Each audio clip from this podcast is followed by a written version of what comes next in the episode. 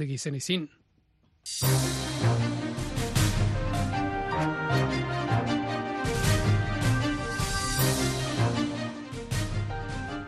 waa talaado bisha janawari ee sannadka laba kun iyo afar iyo labaatankuna waa soddon waxaanaad naga dhegaysanaysaan mawjadaha gaaggaaban ee lix iyo tobanka iyo tobanka mitriban iyo bogga v o a somaali dot com. Idaacadda caawana waxaa idiin wada anigoo ah maxamed cabdi. Innagoo og maanta xukuumaddeennu inaanay haba yaraatee wax xala aanay ogolayn. Mudana guddoomiye waxaan waxaa looga baahan yahay inuu go'aanno adag qaato. Go'aannadaasoo ay ka mid yihiin in xukuumaddan maanta aanay haba yaraatee u diyaar ahayn inay doorasho qabato. Waxa uu codkaasi qayb ka yahay baarlamaanka somalilan oo maanta dood ka yeeshay xaaladda siyaasadda iyo nabadgelyada somalilan oo aad warbixin ku maqli doontaan.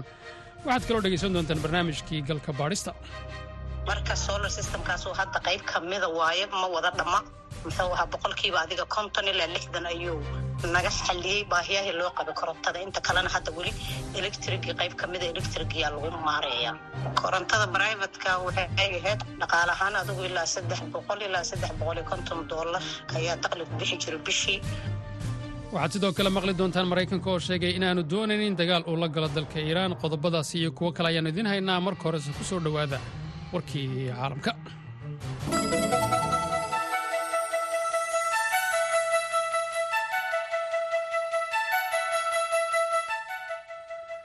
Ciidamo isa soo qariyey oo israa'iil ka tirsan ayaa daanta galbeed ee maamulka falastiin ku dilay lix waa saddex qof oo ay sheegeen inay xamaas ka tirsanaayeen kuwaasi oo ay sheegeen kuna sheegeen unugyo argagixiso mar ay weerar ku qaadeen cisbitaal magaalada ku yaalla siday hadalka u dhigeen. Raggan oo ku labisnaa dharka howlwadeennada caafimaadka islamarkaana sitay kursiga curyaanka iyo qalabka carruurta lagu qaado ayaa rasaas ku dilay saddex nin oo joogay cisbitaalka ibnazina ee ku yaalla magaalada jiniin sida ay sheegeen saraakiisha caafimaadka ee falastiin islamarkaasna laga arkay keemarada c c t v ee uu cisbitaalku lahaa. Dhinaca kale dagaalka khaza oo galay bishii sii afraad ayaa keenay in badi marinka hareeraysani uu burburo islamarkaasna uu keeno xaalado bini'aadannimo aad u daran oo ay la kulmayaan dadka marinka deggan oo tiradooda lagu qiyaasay laba dhibic afar milyan oo qof kuwaasi oo badidoodu ay la kulmayaan khataro dhinaca gaajada iyo cudurka ah. Israel ayaa dhowr iyo toban ka tirsanaa shaqaalaha hay'adda gargaarka ee reer falastiin ee qaramada midoobay ku eedaysay inay ka qayb qaateen weerarkii toddobadii bisha oktoobar arrintaasi oo keentay in dalalka deeqda bixiya qaarkood sida maraykanka iyo germany ay hakiyaan taakulantii ay hay'addaasi siin jireen. Xogayaha guud ee qaramada midoobay antonio guteresh ayaa codsaday in taakulada la sii wado si wax looga qabto xaaladaha daran ee jira. Waxaana uu talaadada maanta magaalada new york wada hadal kula yeelan doonaa deeqbixiyaasha. Xafiiska guteresh ayaa dhinaca kala sheegay in sheegashada israel ay baadhisteedu socoto. Dhinaca waa xaluhelidda colaadda hadda taagan dadaaladii ugu dambeeyey ayaa madaxa hay'adda c i eda ee maraykanka william burns. Waxa uu xaddii magaalada baris kula kulmay saraakiil ka socday dalalka masar israel iyo qatar. Xamaas ayaa xaqiijisay talaadada maanta inay soo gaadhay soo jeedintani taasi oo barteeda instagram-ka ku qortay inay ku jirto kabaaraandegid islamarkaana ay jawaab ka soo saari doonto siday hadalka u dhigtay xafiiska ra'iisul wasaaraha israel benyamin netanyahu ayaa dhinaciisa wadahadaladii baris ku sheegay kuwa wax ko-oola waxaana uu tilmaamay in dhinaca kale ay daldaloolo badani jiraan. Dhinacyada oo dhammina ay sii wadi doonaan ka hadalka arrintan sida hadalka u dhigay. Wasiirka arrimaha dibadda ee maraykanka antony blinken ayaa raje ka muujiyey wadahadalka socda isagoo warfideennada ku yidhi waa muhiim howl miro dhalah ayaa la qabtay waxaana jira rajo ah in horey loo sii socon doono ayuu yidhi. Ra'iisul wasaaraha qatar sheekh maxamed bin cabdiraxmaan aala thani oo dowladdiisu ay horey oy gacan uga geysatay xabajoojintii koobnayd ee bishii nofembar ayaa isna shirka qaybka ahaa. Waxa uu sheegay in horumar wanaagsan arrintaasi laga sameeyey. Sheekh maxamed ayaa sheegay in qorshaha ay ku jirto xabajoojin kooban taasi oo inta lagu guda jiro la sii doyn doono dumarka iyo carruurta gargaarna la gaadhsiin doono khaza heshiiskan koowaad ayaa ugu dambeyn keeni kara xabajoojin buuxda. Ciidamada badda ee indiya ayaa sheegay talaadada maanta inay sii daayeen doon kalluumaysi oo laga leeyahay dalka iiraan taasoo ay afduubteen badhcadbadeed soomaali ahi waa tii labaad dhowr maalmood gudahood. Markabka dagaalka ee i n s sumitra ayaa xoog ku sii daayay sagaaliyo toban shaqaalo u dhashay dalka bakistan iyo doontii ay saarnaayeen oo lagu magacaabo al naciimi ciidanka badda ee indiya ayaa sheegay in wadar ahaan koob iyo toban budhcadbadeeda soomaaliya shaqaalahaasi ay la haystayaal u haysteen sida hadalka loo dhigay. Muuqaalo ciidanka badda ee indiya soo bandhigay ayaa muujinaya budhcadbadeed soomaaliya oo qoriga a k warfinaya oo doon dul saaran. Iyo muuqaal kaloo muujinaya helikobter ciidanka badda oo dushooda heehaabaysa muuqaalo kale ayaa muujinayay ciidanka kamaandoosta indiya oo doonta fuulaya xilli gudcur ah kadibna qoryo ku qabanaya koox budhcadbadeeda taasi kuwaasi oo jilbaha u fadhiisanaya kadibna gacmahooda dib loo xidhayo. Xaaladda saddexaad ayaa ah komandoosta dalka seychelles oo isniintii ku badbaadiyey doonka lumaysi oo ay leedahay dowladda sirilanka taasi oo ay saarnaayeen lix shaqaale ah afduubkan ka dhacay xeebaha soomaaliya ayaa ka baxsan xeebaha soomaaliya ka baxsan ayaa waxa uu keenay welwel laga qabo inay dib u soo noqdaan weeraradii ay geysanayeen budhcadbadada soomaalida ee fursad raadiska ah taas oo ku biiranaysa dhibaatada weerarada xoutiyiinta yemeni ay ka wadaan badda cas maxkamad ku taalla dalka bakistan ayaa toban sano xadhiga ku xukuntay ra'iisul wasaarihii hore dalka cimraan khan iyo wasiirkiisii arrimaha dibadda shaah maxamuud qurayshi. Labada nin ayaa lagu eedeeyey in sirtii dowladda ay cid kale u gudbiyeen kayskan ayaa la xidhiira sheegasho odhanaysa in khan uu cid kale la wadaagay fariin sir ah oo danjirihii bakistan ee magaalada washington ee dalka maraykanka uu dowladda u soo diray. Xisbiga cimraan khan ee p t i ayaa sheegay in khan iyo qurayshi oo mid walba lagu xukumay toban sano xukunkoodu ay riday maxkamad gaarahi xisbiga ayaa intaasi ku daray in go'aankan ay racfaan ka qaadan doonaan isaga oo go'aankan ku sheegay kays been abuur ah sida uu hadalka u dhigay. Toddobaadkii hore maxkamad sare ayaa diiday in khan ay ka reebto doorashooyinka soo socda. Warkii caalamkuna waa naga intaa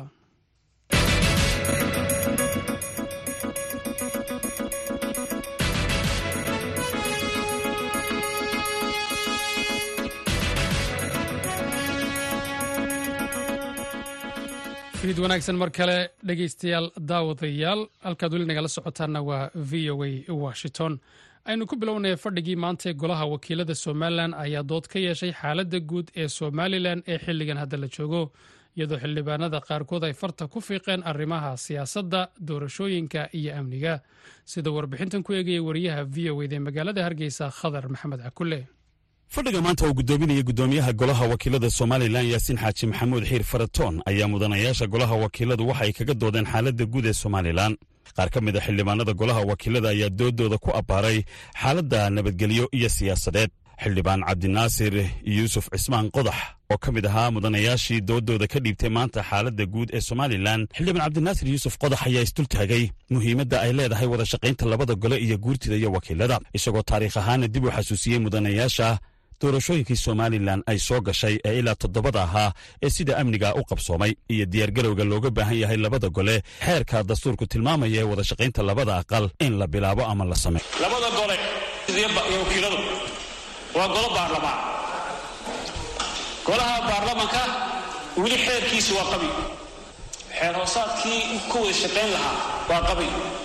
Dhibta inagana haysataana oo khilaaf ka soo bilaabmaana waxa weeyaan xeer waxa weeyaan muxuu ah dastuurkeena oo ilaa labaatankii sano ugu dambaysay aan anagna lagu sameyn oo qolo walba dhinacay ka haysataa. Markaa midayna guddoomiyey waxaan soo jeedin lah in xeeroosaadkiina la sameeyo. Waxaan kaloo soo jeedin lah golaha guurta maadaama ilaa hadda aan la samaynin xeerkii lagu soo dooran lahaana aynu curino xeerkii golaha guurtada ku iman lahaa maadaama in badan golahaas uu fadhiyey. Xeerna aanu ku lahayn kaana waan xoojin. Lahay xildhibaan qodax ayaa farriin u diray guddiga doorashooyinka somalilan maadaama iyagu ay yihiin hay'adda ugu sarraysa ee xeerka uu siiyey qabashada doorashada isagoo u bandhigay inay muhiim tahay in shaqada gacanta ay ku hayaan ay bulshada la socotiiyaan waxaan komishinka doorashooyinka u soo jeedinaya waa hay'adda ugu sarraysa ee doorasho maanta qaabilsan in dalka ka inay la timaado qorshihii doorasho ku qaban lahay iyagaa laga sugaya. Iyagaana xilka qaaday. Mas'uuliyadda iyagaana qaaday. Haddaanay qabanahayna doorashada waa caddeeyaan hadday qabanayaana waa ummadda u waadixiyaan oo kaarkii soo hare la qaybiyaa oo roobabkii la doorasho lagu qaban la sameeyaa oo diyaargarowgoodii la sameeya. Hadday wax ka qaban yihiinna de waa in ummadda u sheega. Marka komishna doorashooyinka waxaan xoojinayaa in ay shaqada ay qaranka u idman yihiin. In ay waadixiyaan oo ay bayaamiyaan oo ay geesta kale xildhibaan mubaarig muuse ayaa isaguna ka hadlay doodda mudanayaasha golaha wakiiladu maanta ay ka yeesheen xaaladda guud ee somalilan. Dadkii aqoon-yahanka waddanka joogay odamo ama ganacsato laba jeeroo hore runtii ayay waddanka nabadgelyadiisa ay ka taliyeen oo heshiisyo la gaadhay mudana guddoomiye marka uu qofku runtii xukuumad ummadda dhegaysanaysa oo xukuumad sharci ku soconaysa. Ayaa qofku markaa xal nabada iyo xal maaragtay heshiisa dooni karaa.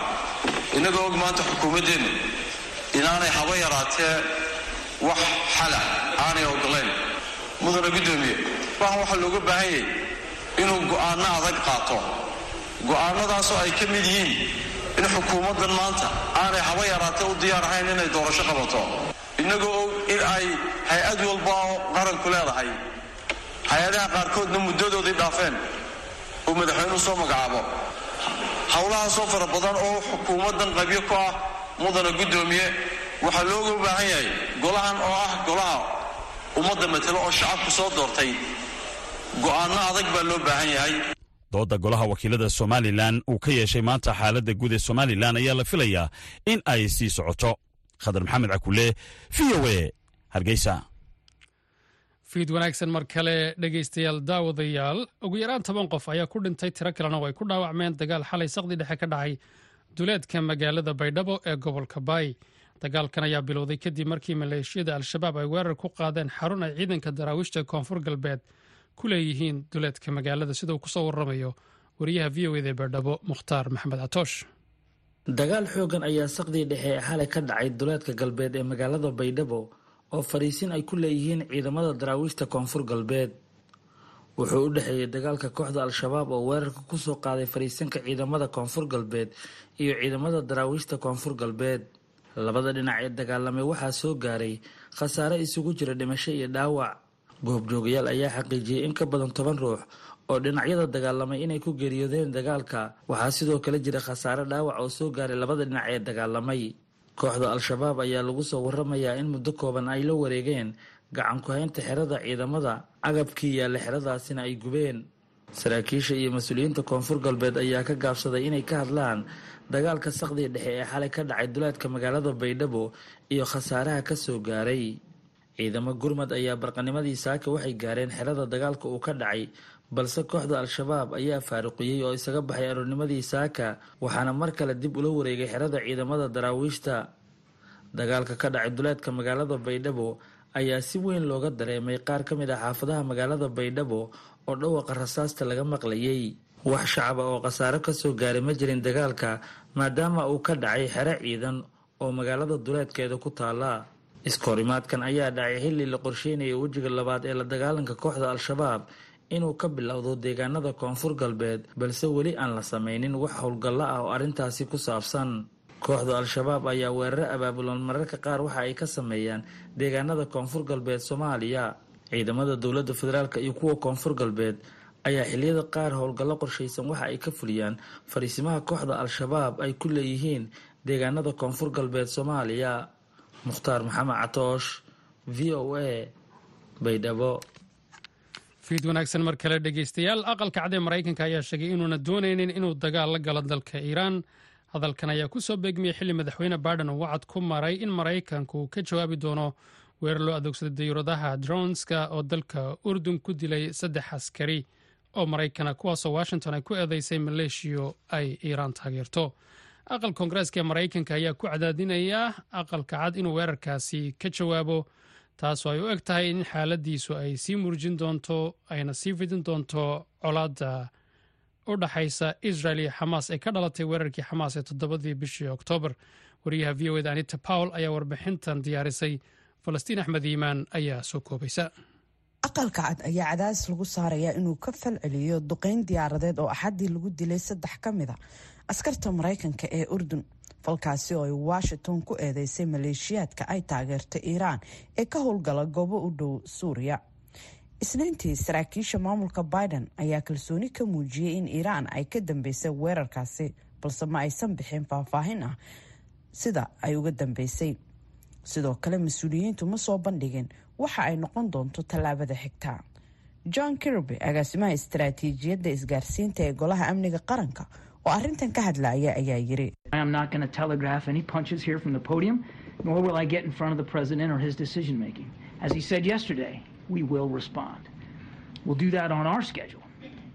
ma doonayo inaan halkan ka soo jeediyo hadallo dagaal ah mana horboodayo madaxweynaha iyo go'aankiisa toona.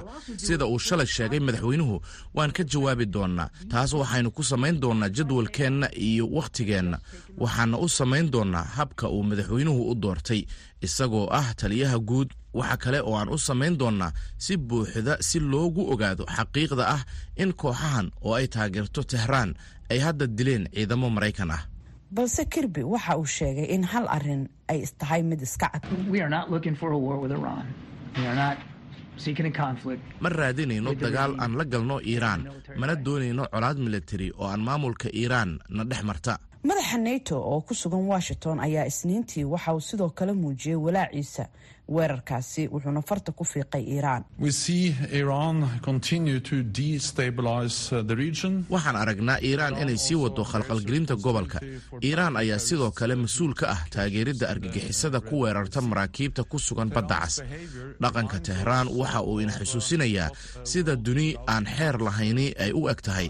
Mid aan la saadaalin karin oo halis ah adduun ammaankeennu uu qaali noqonayo waxaa kale oo cad in weerarkani uu qeyb ka yahay fashilinta howlgal militari oo ay israel ka wada kaza kadib markii kooxda xamaas ay weerar la yaab leh ku qaaday dad rayida toddobadii oktoobar bernard hodson waxa uu ahaa madaxii hore ee c i e da ee la dagaalanka argagixisada wuxuu aaladda suumka kula hadlay laanta bershiya ee v o a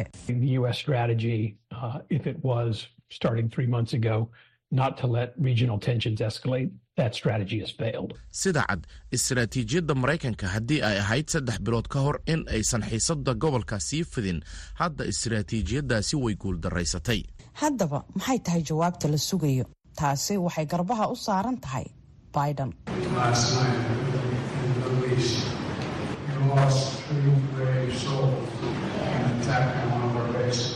waxa aan ku weynay saddex ruux oo geesiyaal ah. Weerar lagu qaaday mid ka mid ah saldhigyadeenna. Waxaan codsanayaa daqiiqad aamusnaan ah dhammaan saddexda askari ee naga dhintay. Waan ka jawaabi doonnaa. Aad iyo aad bay mahadsan tahay falastiin axmed imaan oo noo soo koobaysay warbixintii wariyaha v oda anita powell ay noo soo dirtay. Haatanna waxaad ku soo dhawaataan barnaamijkii galka baadhista waxaa noo hayaa haroun macruuf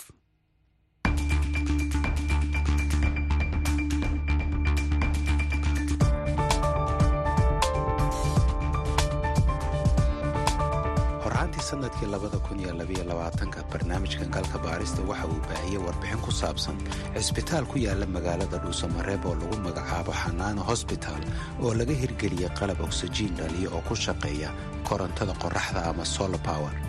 Cisbitaalkaas qaybtiisa carruurta ayaa lagu xiray saddex haamood oo dhaliya oksijiinta dhakhaatiirta soomaalida iyo kuwa hay'adda caafimaadka adduunka ee w h o waxay uga warrameen galka baarista xilligaasi in hindisahan caafimaad uu naf badbaadiyey ayna keeni karto in lagu ballaariyo cisbitaallo iyo xarumo kale oo caafimaad.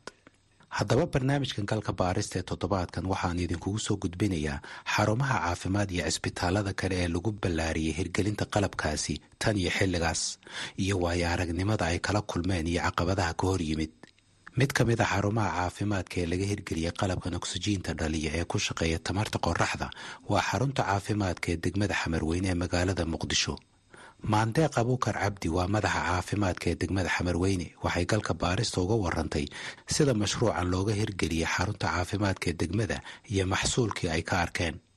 Awal xarunta xamarweyne waxay ku shaqey jirtay electric oo brivadahay ku shaqey jirtay laakiin bishii may sagaalkeedii ayaa waxaa loo loo sameeyey solar system oo ay naga caawiyeen w h o. Marka solar systemkaasoo hadda qeyb kamida waaye ma wada dhama.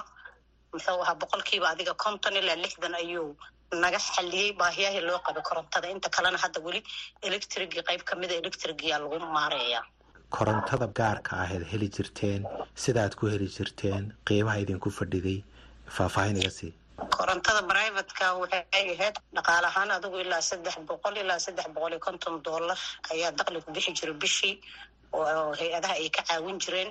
Marka hadda markii solarkii la saarana xoogaa difference weynaa u dhexeeyo adigu qayb ka mid a solarkiiya hadda covergareeya waa gartay marka hadda biilka aada bixisaan korontada waa imisa? Hadda waxaa la bixiya waa boqol ilaa boqol iyo konton dollar. Maxay ka bedeshay bixintii adeegyada caafimaadka ee xarunta caafimaadka run ahaantii wax badan ayay ka bedeshay muxuu ahaa korontada markii ay caadiga brivatka ay tahay oysa solarka ahayn mararka qaar korontada way iska tegaysay iyadoo adeeg hooyo loo haayo ilmo yaroo xanuunsan loo haayo hooyo ay umulayso.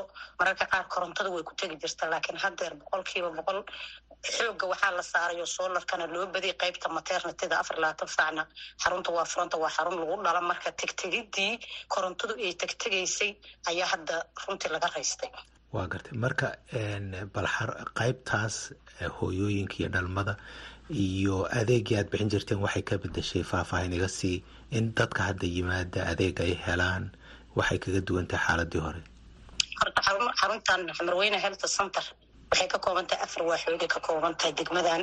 Dadka ay u adeegta xaruntaanuna waxaa degmada xamarweyne markii la yiraahdo shan degmo ayaa boodhariska ka marta oo oo u horeeyo shangaani boondheer waa beri iyo xamar jajab. Intaasba inta dhinacaan soo xigtaa guud halkaanay u soo doonteen sida aad la socotana xamarweyne waxay leedahay suuq weyn ayay leedahay oo dadku adeega u soo doontay iyo dadkii ka ganacsanaya iyo goobo dowladeedba. Marka markii solarka la saaray adeega dadkii populationka hore u imaan jiray ka badan sababtoo ay tahay hooyada waxay og tahay haddii hadda ay meeshaan ku dhalayso inaysan korontada ka tegayn horey waxaa u dhacda hooyooyin dhalaaya oo miiska saaran inay korontada ku tagto taleefano lagu dhaliyo. Habashooyinka aan muujinay ayaana laga soo jawaaba runtii. Wax badanayna ka bidda haddana emergency waa lagu qabtaa xaruntan bad ayay xiriir la leedahay xuduud la leedahay.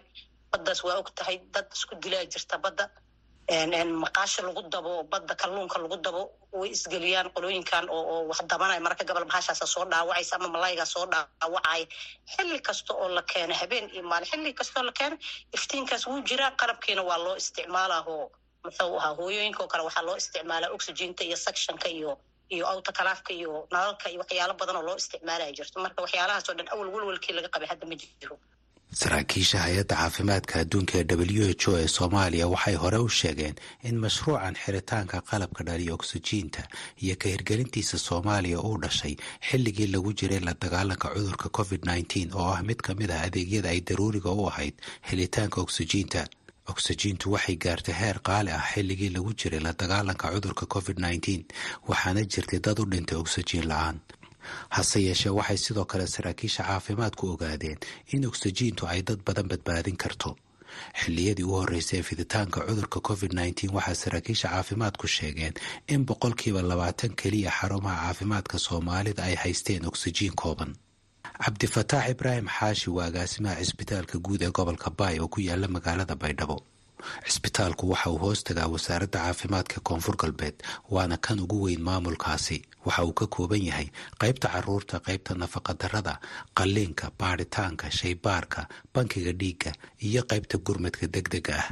Waxa uu ka mid yahay cisbitaalada lagu xiray qalabka oksijiinta dhaliya inkastoo xilligan aanu wada kaafin karin baahida ka jirta cisbitaalkaasi walaal waa mahadsan tahay cisbitaalka horta wuxuu leeyahay noocyo kala duwan oo dhinacan oo electricity power ay u isticmaalaan.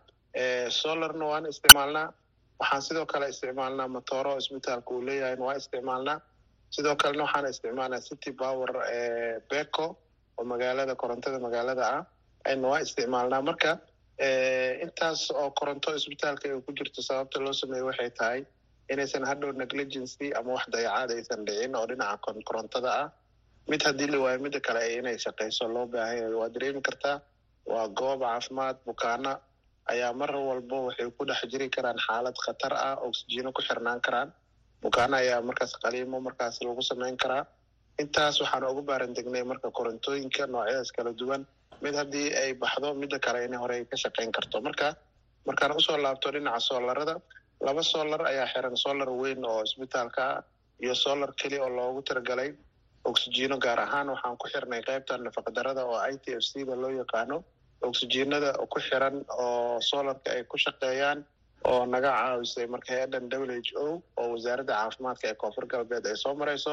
Ugu yaraan kaas waxaa la aasaasay muddo laba sano. Ku dhowaad ayuu isbitaalka uu kaas hadda shaqadiisa ay ka socotaa.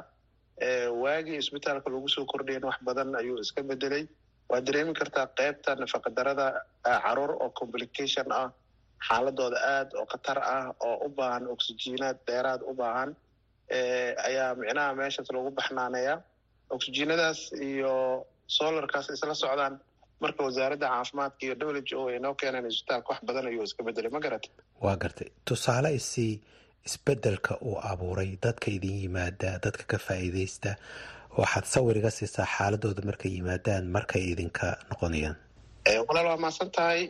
Bukaanadaas hadda aan kuu sheegayo oxygenada noocaas ah lagu xiraayo. Oxygenada salendarka loo yaqaano waaye. Oxygenada iyagaa nooc kala duwan ay leeyihiin. Milimilitarka ay ku kala duwan yihiin. Annaga awal waxaa noo yaalay oxygenada mililitarkooda aada u yar. Laakiin kuwan hadda dabna waa helayaan mililitarkoodana aada u fiican yahay. Bukaanka oxygen fiican oona uu ku heli karaa. Marka dhankaas waxaan ku tilmaami karnaa isbeddel weyn in ay ka tahay oo bukaankaas oxygenkii oo mililitarkii loogu baahnaa inuu ka heli karo dhinacaas. Dhanka kalena waxaan ku tilmaami karnaa in bukaanada marka lafsaving badan ee meeshaas ay kala kulmayaan oo loo sameynayo dhinacaas oxygenka ah. Ka hor intaan oxygenadaas la xirin mortalitigooda aad buu u badnaa. Marka falilahi xamdu marka hadda barnaamijkaas wasaaradda caafimaadka iyo w h o ay arkeen baahida loo qabo in lagu soo kordhiyo lagu soo kordhiyana mortalitigii amaba raidkii oo dhimashada ah ayuu decrease oo ku imaaday hoosoo dhaca ku imaaday ma garata waayo dadka marka lagu dabiibo macaruur baa u badan mise dadka xanuunada kale ama dhaawacyada kale ay soo gaadhaan. Sawirigasi dadka la daweynaya waa kuwey aad baa umahadsan tahay sax weeye. Qeybta hadda oxygenadaas aan ku xirnay waa qeybta oo hadda aan ku sheegay oo nafaqadarada oo carruurta ah ayaan ugu talagalnay qeybtaasa si tijaabo ahaan loogu xiray muddadii hadda labada sano ah faa'iido badan ayaan aan ka dareemeynaa barnaamijkan oo solarka oxygenadana aan u isticmaalno. Annagoo markaasna dabkii oo caadiga ahaa oo motoorkii shidaalkii wixii dhan noo baaqanayo conceptionkii oo aadna aan u ilaalinayno kana aan isticmaalayno qoraxdaas aan isticmaalayno oxygenadiina ay noogu shaqaynayaan waxaan ka dareennay faa'iido aada u weyn oo isbitaalka iyo bukaanadii iyo communitygaba aada u fiican marka dadka ilaahay wax siiyey sida hay'adaha iyo dadka ganacsatada ah waxaan ku boorarinaya in badan isbitaalada in oxygena noocaas ah la geeyo. Waxaa la dareemayaa xiliyada marka outbreaka dhaco ama cudurrada qaarkood halista ah markay dilaacaan. Sida hadda tusaale ahaan covid nineteenka marka uu dhacayay xiliyadaas waxaa isbitaalada inta badan bukaanada ay u dhimanayeen oxygena noocyo kala duwan ah ayay inta badan bukaanada u geerinayaan marka waxaa muhiim ah aan soo jeedinayaa inay isbitaalada referalka ah oo inta badan laga taageero oxygenada ugu muhiimsan oo qeybaha intensive care unitigooda si fiican loo hagaajiyo. Sababtoo meelahaas haddii inta badan isbitaalada laga hagaajiyo macal oxygenadooda waxaa inta badan dhakhaatiirta iyo shaqaalaha meesha ka howlgalo u fududaanaysa inkastoo qof walba nafsadiisa waktiga ay timaada aan la celin karin.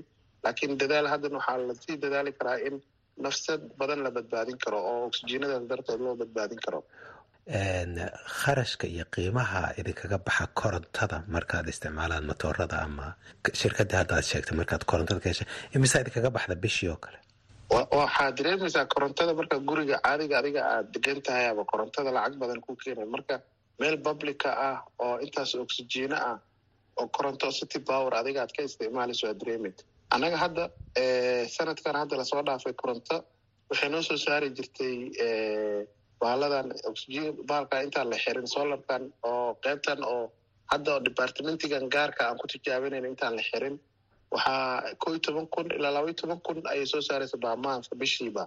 Ayay soo saari jirtay oo korontada caadiga ah oo lacagta raidka lacagtaasna waa dareemi kartaa lacag aada u badan waaye. Laba iyo toban kun ilaa ko iyo toban kun waa dareemi kartaa. Marka hadda marka waxaan samaynay qayb ka mid ah korontadii in conceptionkii aan meeshaas aan u bedelino solarkii aan u bedelno si aan conceptionkii oo korontada aan isticmaalayno oo nooga yaraado hadda waxaan dareemaynaa in lacagiina hoos u soo dhaceen oo city powerka aan isticmaalaynay. Waxaana naga caawiyey solarkaas oo qeybtaas aan ku talaalnay oo oxygenada aan u isticmaalayn marka hadda already waxaad dareemaysaa toddoba kun sideed kun ayay noo soo saartaa oo lacagaa hoose ugu soo dhacday. Sanadkii miya mise waa bishii oo dollar bishii bishii. Faa'iidada ugu horreysa ee laga helay hirgelinta mashruucan oksijiinta waxay ahayd in bukaan badan oo cisbitaalka imanaya ay oksijiintoodu kor u soo kacdo. Dhakhaatiirtu waxay sheegeen in xanuunka ugu badan ee carruurta soomaalida ee ka yar shan sano ay u dhintaan uu yahay oof wareenka. Helitaanka oksijiintuna ay kaalin weyn ka qaadanayso yareynta dhimashadaas maxamed cabdi ciise waa agaasimaha guud ee cisbitaalka xanaano ee dhuusamareeb oo ahaa cisbitaalka ay hay'adda w h o ka diiwaan gelisay. Faa'iidooyinka laga arkay qalabkan. Sanadkii laba kun labaatan iyo kow ilaa iyo haddeer muddo saddex sano ah bukaano badan ayaa ka faa'iiday oo gaarayo lix boqol lixdan iyo shan bukaan. Waa gartay marka maxay u tartay caafimaad ahaan dadkaasi? Dadkaasi ma oksijiinta ku yaray jidhkooda? Ma dhaawacyo qabeen? Haddaad ii kala saari karto duwanaayeen dad dhaawacyo qabana waa jireen oo intaasna soo gaaraya xaaladaha kala duwana oo ganshood xabada ku dhacayo kale waa jireen ama dad tooriya lagu soo dhuftoo kale oo neefta ama naqaska dhibaya oo oksijiinka lagu caawiyey sidoo kale ilmo oo ayaguna markay dhasheen ku dhashay xaalad oo neefta ayadana ay dhibayso waa jira ayagana lagu caawiyey sidoo kale ilmo ayagana ku dhashay ama ilmo ayagoo shan jira ama wax ka yar ayagana sidoo kale oo inta badan cudurka pneumonia ama ofta la yiraahdo ayagana ilmaha ku dhacdo kale ayagana aada oo caawiye marka hooyooyinka uur kale sidoo kale ayagana xaaladaha oo dhiigyari markay la koonto ayagana aada sujuunkooda u dhaca ayagana aada u caawiye marka qeybaha kala duwan ee bulshada aada ay uga faa'iidaysteen bukaanadana marka qeybaha kala duwan ee bulshada ay ka koobnaayeen. Waayo waxaad dib wax yar ii celi qalabkan iyo inta haamoodu ka koobnaa tamartan qoraxda sida ugu shaqeeyo faahfaahinigasi qalabkan sida guud uun waa tamarta bahasha solarka ayaa waxaa laga faa'iidaysanayaa oo loo bedelayaa koronto korontadaas kadib qalab yar oo oxygen ayaa lagu xirayaa oo qeybaha kala duwan sad afarta qeybood oo isbitaalka ka kooban yahay ayuu ku xiran yahay. Oo kadibna bukaan kastaba meeshaas ayuu ka isticmaalaya. Oo si guud marka waa solarkii dabeec oo natural resourceka caadigaha looga faa'iidaysanayo. Kadibna tamar dhalanayo tamartaasna kadib oxygen looga sii faa'iidaysanayo. Marka qaar marka bukaano ka badan ayaa kugu imaanayo bukaanadii aas lahayd iyo qalabka haysta marka qaar bukaanada ayaa kala badanaya. Hadda wiig labada saddexda wiig oo u dambeysay un marka qaar waxaa dhacaysa sideed bukaan u baahan inay hamar oxygen ay ku wada kulmaan isbitaalka. Marka lix haba ayaana taalay taasoo kale marka marka qaar caqabadaha soo wajahayna ayay ka mid ahayd. Iyo xaalada guud oo wuxuu u baahay saddex sano baalku markuu xiraya baterigiisu daciifa awooddiis waa yaraane in laga bedelo bateriyaasha iyo tabarta maadaama sii yaraanayso ilaalin asana wuxuu u baahan yahay iyo joogteen. Inta marka caqabadahaas guudna waa jiraan. Idinku adeegan saddex sano ka hor halkii uu ahaa ma ka ballaadhiseen oo ma fidiseen mise halkii unbuu taagan yahay? Wallaahi weli lama fidin oon sidii oo ahaa waaye. Baahideena oon waa badanto. Hadda hadaa fiiris laba kun labaatan iyo kow bukaano gaaraya boqol iyo toddobaatan bukaan ayaa ka faa'iiday laba kun labaatan iyo labo ayadana bukaanada afar bukaan ayaa ka saddex ayagana bukaanada ka faa'iiday waxay gaarayeen laba boqol iyo shan bukaan. Marka camada uun marba baahidu inay ay badanaysay oo dadkuna ay aad ula qabsanayeen oo markii ay dareemaan xaalad oo inuu qofku uu dareemayo inay xaalad khatara ku jira caafimaadkiisa in xarumaha kalena laga soo diraayo oo isbitaalkana aada ugu caawinayay marka uun sidii hore uu ahaa waaye wax hadda oo lagu kordhiyey maleh oo solarka mashruucan oo ay maalgelisa hay'adda caafimaadka adduunka ee w h o waxaa fulisa hay'ad ka shaqaysa tamarta qoraxda oo lagu magacaabo tamarso. Sheermaarke cabdulqaadir xasan waa aasaasaha iyo madaxa shirkadda tamarso. Hortore meelaha qaarkood waxa ay ahaayeen meelo aad u dhib badan in la tago xataa. Dadka isbitaaladaas maamulayay waxaan ku aragnay in ay solarka waxay badan aysan ka aqoonin. Qaarkood ay u sinaayeen motor shidaal cuno. Ama qaarkoodna koronto aad qaali ah oo magaalada ama tuulada degan isticmaalaan ka isticmaalaan oo lacag aad u fara badan laga qaado. Marka anaga aan u geynay oon oxygenna u geynay aan u xirnaynay solarka waxay aad iyo aad ugu farxeen laba shay. Waxay ugu farxeen inay oxygenkii iyadoo ilmi yar oo ma arkin oo neefta inta ku dhegto waxba loo qaban karin arrintaas in meesha laga bixiyo. Siba solarada axireen waxay wadataa marka saddex oxygen oo yar yar ah. Marka saddex qof oo sariir jiifo ayaa loo isticmaali karaa. Hooyo umul ah marka isbeddel weyn ayaa ka dhacay meelaha qaarkoodna oxygenka keliya kuma ay keenaynin haddii ay ku filan tahay in oo isbitaalka haduu aad u yaryahay in meelo kala nalal yar yar laga siiyo ama waxyaabo yaryar oo kale baraysya laga siiyo. Waxaan ku dadaalnay inaan maaragtay inaan u gelino ayaga naftirkooda. Marka saa aad iyo aad u soo dhaweeyeen aadayan ugu qancayn. Waay meelaha in la tego ay adag tahay ee aad ka hirgeliseen waa kuwii. Haddii aad ka hadli karto sidee bay taas ku suurta gashay horta waxa waaye dalka xaalad adaga mamar ka jirto. Meelo waxaa jirto oo aadan alaabtii aadan geyn karin aad ku xeri lahayd. Meelo waxaa jirto alaabtii materialka ama qalabka qaarkiis waxa waaye qalab laga gado duulada ama magaalada shaqada laga qabanayo.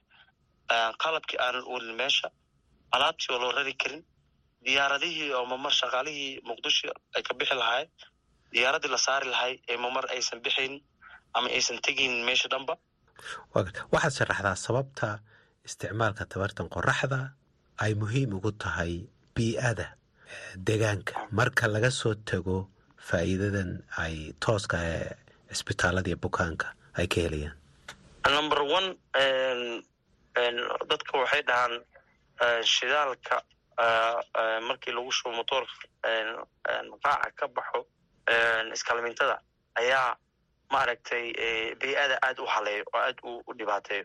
Annaga marka shirkad solar markaan nahay motooro badanaa ag istaagnay iyo meelo ay ku jiraan dadka badankood aynasa arkin aan ag istaagnay waxa ka baxaayo aagga ku dhow motooradaas iyo dhibaatada ay dadka u geynayaan haddii aad aad dhex gasho horaa ka fahmaysa marka arrinta bey-ada caafimaadka dadka waa waa mid muhiim.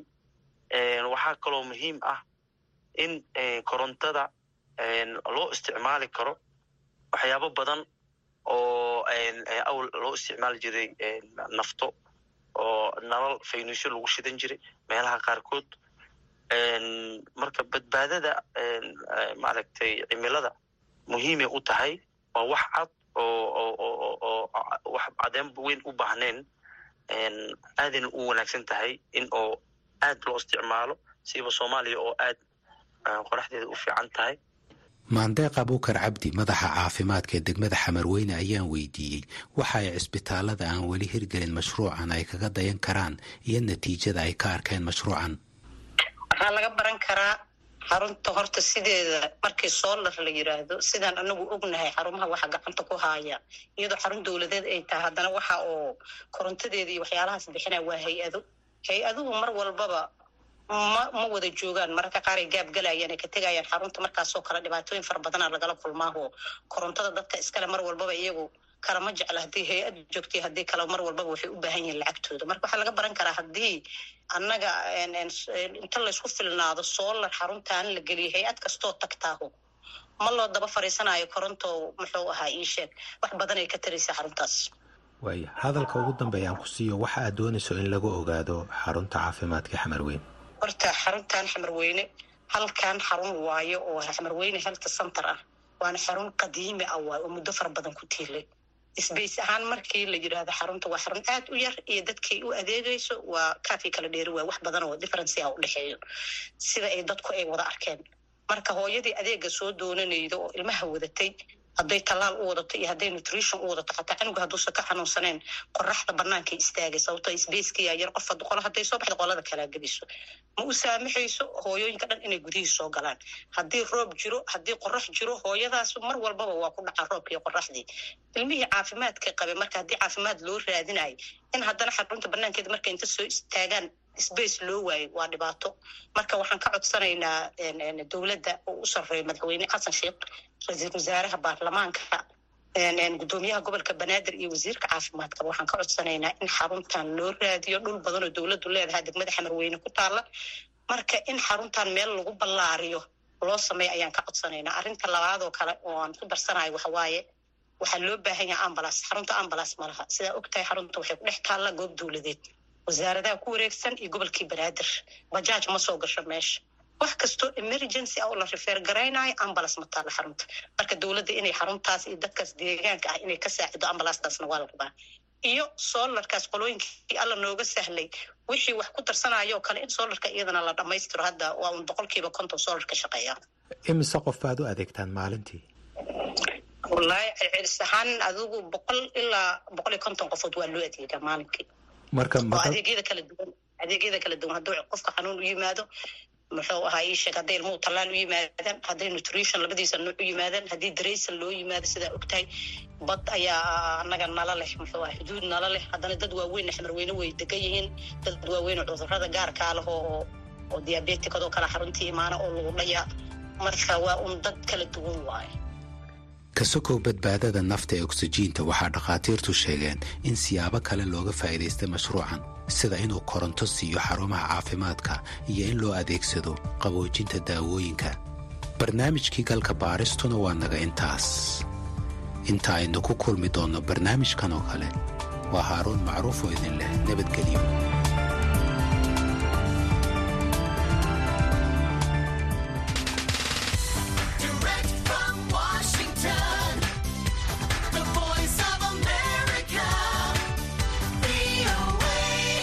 wanaagsan dhegaystayaal ku soo dhowaada barnaamijka toddobaadlaha ah ee caweyska dhadhaab kaas oo idinkaga imaanaya la'aanta afka soomaaliga ee v o a radioga xeryaha dhadhaab.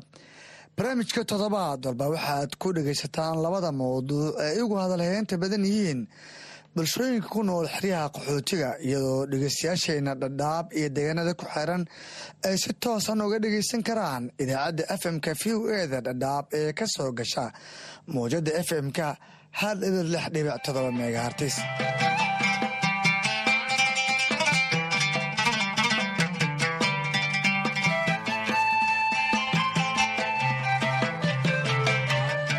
barnaamijkeena caawa qodobada aad ku maqli doontaanna waxaa ka mid noqon doonaa hogaanka xeryaha qaxootiga oo ka warbixiyey biyo la'aanta ka jirta qeyba ka mida xeryaha qaxootiga ee gobolka waqooyi bari ee dalka kenya sidoo kale barnaamijka waxaa qeyb ka ah boqolaal ruux oo ka mida qaxootiga ku nool xeryaha oo ka faa'iidaystay mashruuc nafiiqisa oo ay maalgeliyeen jaaliyadda soomaaliyeed ee ku nool dalka maraykanka kama marna xubintii shakhsiga oo toddobaadkan marti ku yahay guddoomiyaha midowda dhallinyarada xerada xagardheera oo ka warbixin doona dhibaatada tahriibka uu ku leeyahay nolosha da'yarta ee ku nool xeryaha qaxootiga barnaamijka waxaa idinla socodsiinaya anigoo ah cabdisalaan axmed.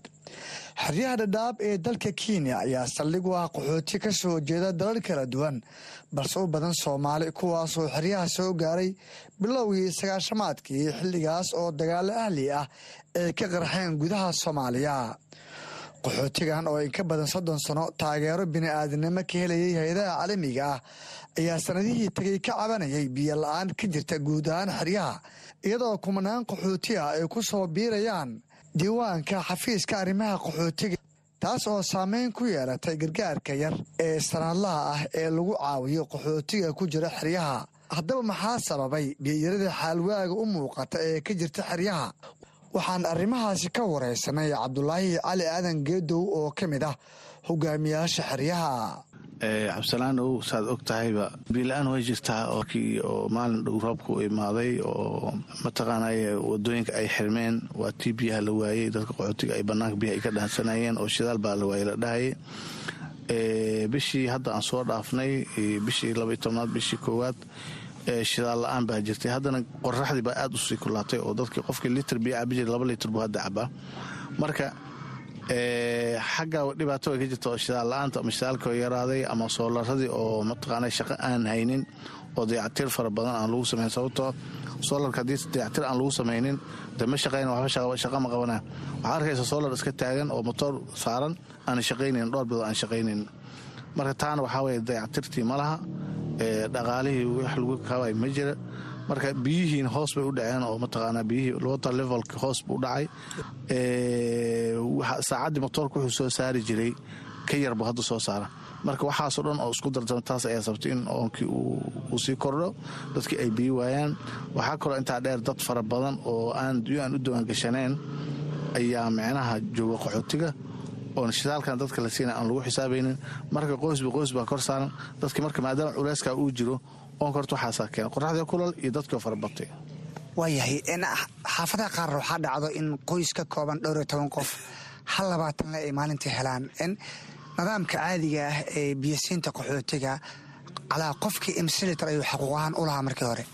Qof kastoo qaxootiga wuxuu xuquuq u leeyahay qof kastoo biniaadan nool wuxuu xuquuq u leeyahy shan iyo toban litir oo biyo maalinka inuu qaato unhcrna waxay wax ku bixisaa dadka u diwaangashan ayay wax ku bixisaa dadkan hadda la diwaangelinayo oo tirikoobka hadda la marinayo oo la rajistar garayn ifotub ay xuquuqdooda jirtaa xaggaa la aadinaya sababtoo ah raashinkooda iyo biyahooda waxooda xaggay jiraan. Haase ahaatee weli hadee wax official communication ma jiro oo weli dadka raray ma laha. Dadka dhagaxley baa joogaan ifay joogaan xagadheer bay joogaan. Waxayna la qaybsanayaan intii yareedoo mataqaana dadka loogu tagay bay la qaybsanayaan. Waxaad arkaysaa intaas qoys ay dul saaran yihiin biyo yarna ay dhaansanayaan waxaa kaloo hadda caqabad kale ah biyihii markay motoorka u soo sii daayo oo beybka direct pumping loo sameeyo waxaa laga yaabaa tusaalahan a biyihii inay xoog ku gaaraan. Wixii ka dambeeya sida eight iyo nine iyo ten oo kale biyihiiba biyi yaroo dalaliq baa soo gaara. Marka waxaa laga yaabaa soddon daqiiq tubad inay soconin oo biyaba ayna helin dadkaas marka culeysada ugu weyn waxaa inta badan xaafadaha ay saaranta waxaa ka mid a xaafadaha haamaha dhadheer aan u dhoweyn ama xaafadaha haamahooda ay dilaaceen oo biyo aan lagu shubaynin ayaa inta badan oonka u ka jira. Oonkaas saasa uu ku saameeyey. Waa tahay xerada tan dhagaxley ee aad maamulka ka tahay qaxootiga ka diiwaan gashan ee sida saxda un z r hoos yimaado ilaa imsa ay gareen inta hadda la diiwaangeliyey baahanaha waana dhow la diiwaangeliyey dadka hore qaxooti hore u deganaa boqol soddon iyo shan kun waaye. Laakiinse dad fara badan oo waxaa jira weli mataqaanay aan la diiwaangelin oo ilaa lagu qiyaaska afartan kun oo qof oo dhagaxley keliya jooga oon weli aan la diiwaangelin.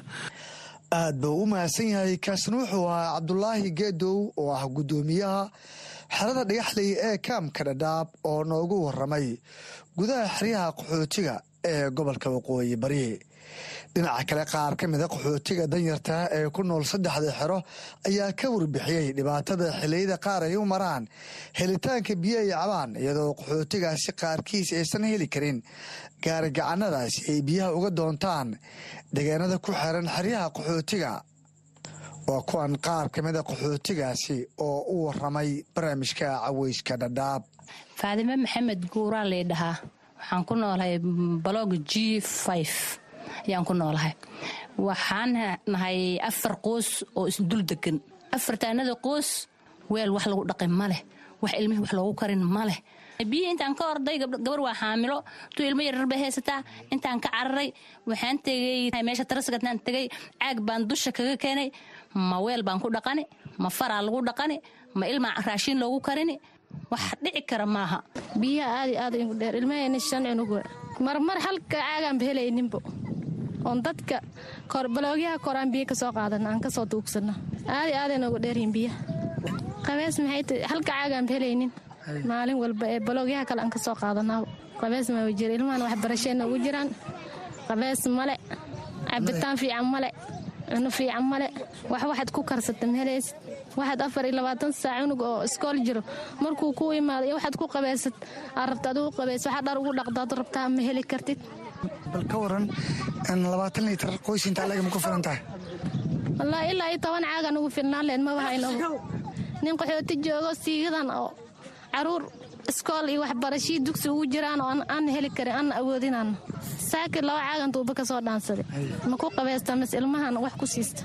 Aad bay u mahadsan yihiin kuwaasna waxay ahaayeen qaar ka mid ah cododka qaxootiga oo ka warbixinayay heerka biyola'aanta ee ka jirta xeryaha iyadoo qaxooti fara badan ay belihii la soo dhaafay soo gaareen xeryaha dhadhaab ee dalka kenya.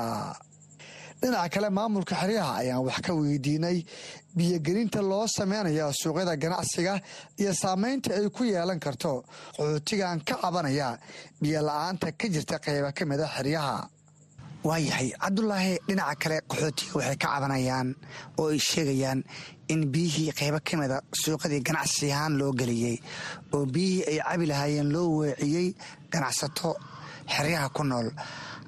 Arintaasi ma isweydiiseen saad og tahayba arrintan hadda oo dadkan ganacsatada ah waa mashruuc oo u n h r iyo hay'adaha deeqbixiyaasha ay ku wada heshiiyeen. Waaye qolada deeqbixiyaasha biyaha lacagtooda bixinaya ee waxay dhaheen biyahan la gadayo waa in mataqaana gooni laga dhigaa waa inay shidaal gataan. Saad og tahay dhagaxley iyo ifo xagardheer mashruucyadaas way ka furan yihiin. Waa mashruuc qaxootiga iyo deegaanka dad intii la isku daray. Shidaalkoona ayagaa la baxaya. Inta maalinkii ay biyo ay maalinkii haantooda loogu shubay shidaalkooda ee bisha yaa laga qaadaya. Marka nimankaa laakiin waxaa loo sameeyey beeb gooni haan gooni baa loo sameeyey bybin gooni baa loo sameeyey. Hade bini aadan qalad wuu iska dhici karaa waxaa laga yaabaa wax markii qof wax uu samaynayo wax qalad wuu dhici karaa. Laakiin annaga saan ognahay nimankaas in haan ay leeyihiin saacado la siiyey oo saacado gooni biyahooda loo dhaamiyo ayagana dadka ay ka gataan marka taa waxay marka shaki badan ku abuurtay dad fara badan oo dhahaya biyihii qaxootiga baa la leexsaday baybkii qaxootiga baa la leexsaday. Laakiin weli maan arkay caddayn annaga waayahay wax dabagala ma samayseen oo arrintaasi aad u ogaataan. Xalna loo helo maadaama hadallada ay soo laalaabanayaan. Arrintaas dhowr jeer baan shir isugu imaanaya oo laga hadlay layira dadkan biyaha gadanaya waxay micnaha faragelin ay ku hayan biyihii qaxootiga. Waxaan dhahnay dadkii u faradhubna inay noo soo caddeeyaan meelihii ay ka shakaysan yihiin oo ay biyaha laga leexinayo marka ilaa hadda weli wax caddeynoo naloo keenay ma laha. Wax markii la sheego ama been bay noqon ama runoon bay noqon wax sax haddaan helno waan ku dagaalami karna aan dhihi karna meeshaan baa dhib u ka jira. Laakiin wixii waan waa layiri waa layiri kuturkuteen waay. Waana ka codsanayna dadka qoxoota haddii ay helaan caddayn ah in dadka biyaha ganacsatada biyaha gadanaya ay leexsadaan biyaha qaxootiga in annaga naloo soo sheegay. Annaga marka aan la daba istaag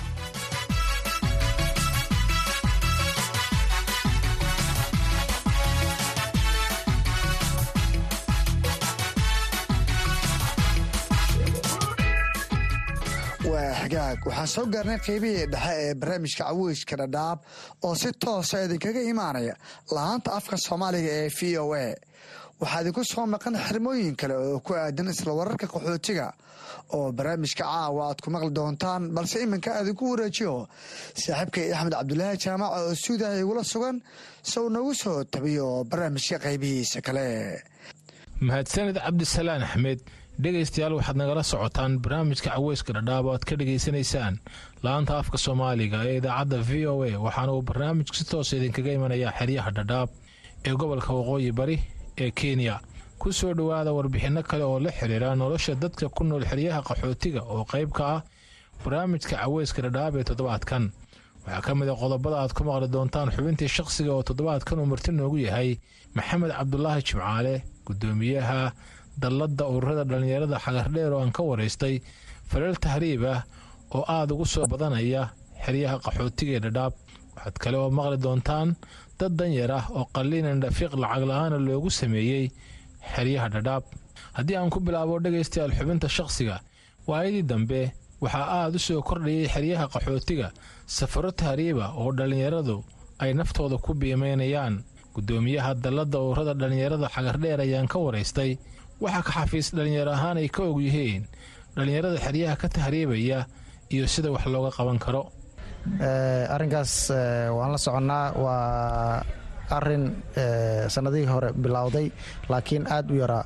Sanadkii hadda u dambeeyey ay aad u soo bateen in dhallinyarada ay go'aansadaan inay tahriibaan sababaha aan is leeyahay dhallinyarada xilligan ku soo beegay inay aad u tahriibaanna waxaa waaye in noloshii qaxootiga ee dhallinyaradaasi ay ku noolaayeen ay aad u adkaanayso in dhallinyaradii kuwoodii xitaa wax bartay aysan wax shaqaa helaynin oo xaafadda xaafadaha idol ay ku yihiin oo waxba aysan qabanaynin. Marka dhallinyarada quus ka taagan xaryaha qaxootiga darteed ayaa ku riixaysa inay tahriibaan. Marka ka annaga ka dhallinyaro ahaan xafiiskeena markay arrimahan ay soo baxeen waxaan samaynay xog uruurin waxaan la kulannay waalidiin ay ka baxeen dhallinyaro badan.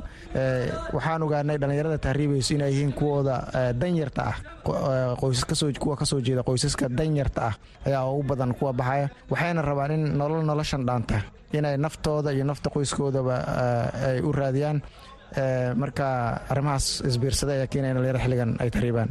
Xeryaha waxaa baryihii dambe aada ugu yaraaday ee dibudejinta iyo waddamadii qaadan jiray qaxootiga qoysas dibadda u qaadi jiray kuwii wax qaadan jirayna waxaa raagay dadkii ay brosesyada mariyeen.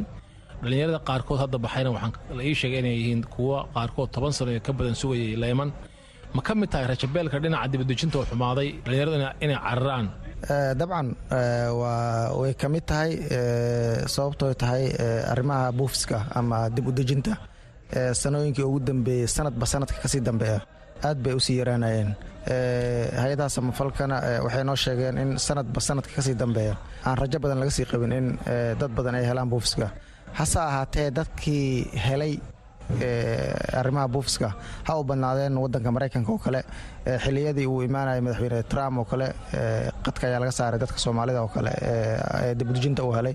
Kiisaskooda waxaa la geliyey hakadaa la geliyey markuu baxay kabacdaa la soo nooleeyey oo waxoogaa dhaqdhaqaaqa bilowday haddana wax dhaqaaqay oo hadda oo la sheegi karo macnaha la taaban karo malaha marka wadamadii wax qaadan jiray oo yaraaday kuwii la qaatay oo broseskooda ilaa labaatan sana labaatan iyo dhowr sana ay qaadanayso ayaa sabab u ah waxyaabahaas. Marka dabcan qeyb bay ka tahay.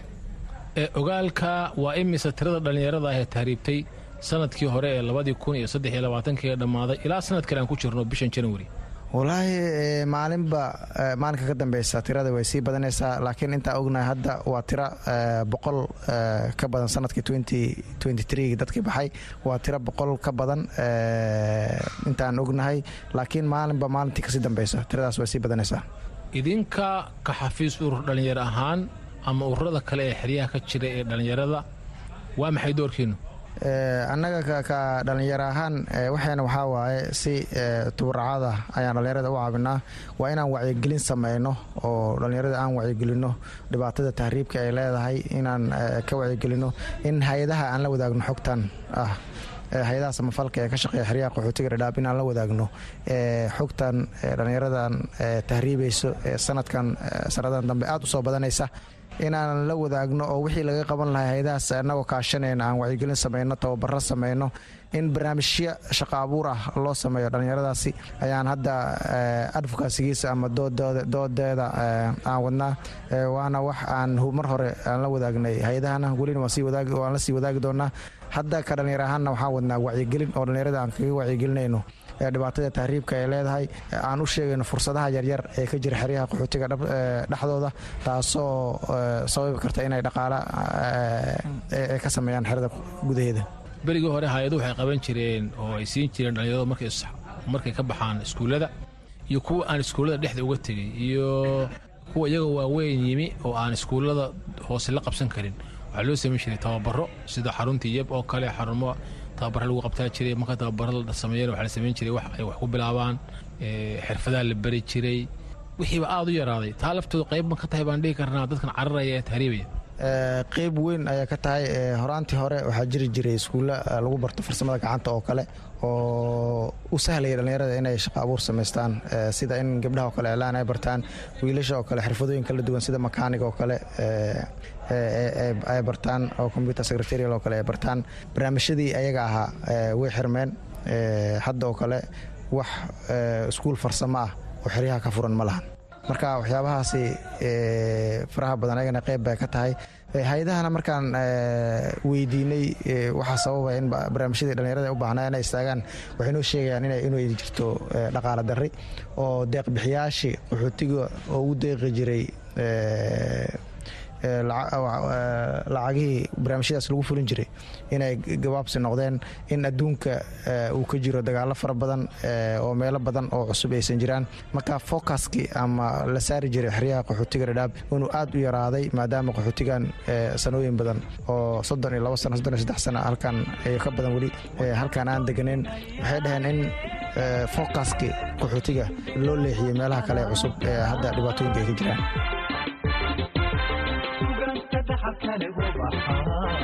kugu soo simi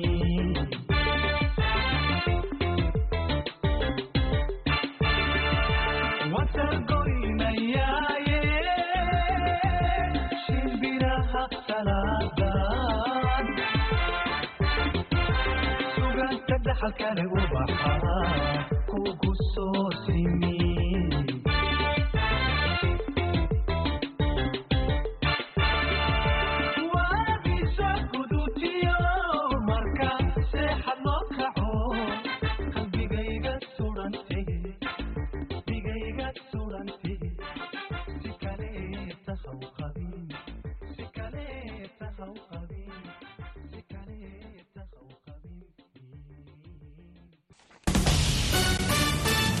This is VOA News. In Washington, I'm Jeff Custer.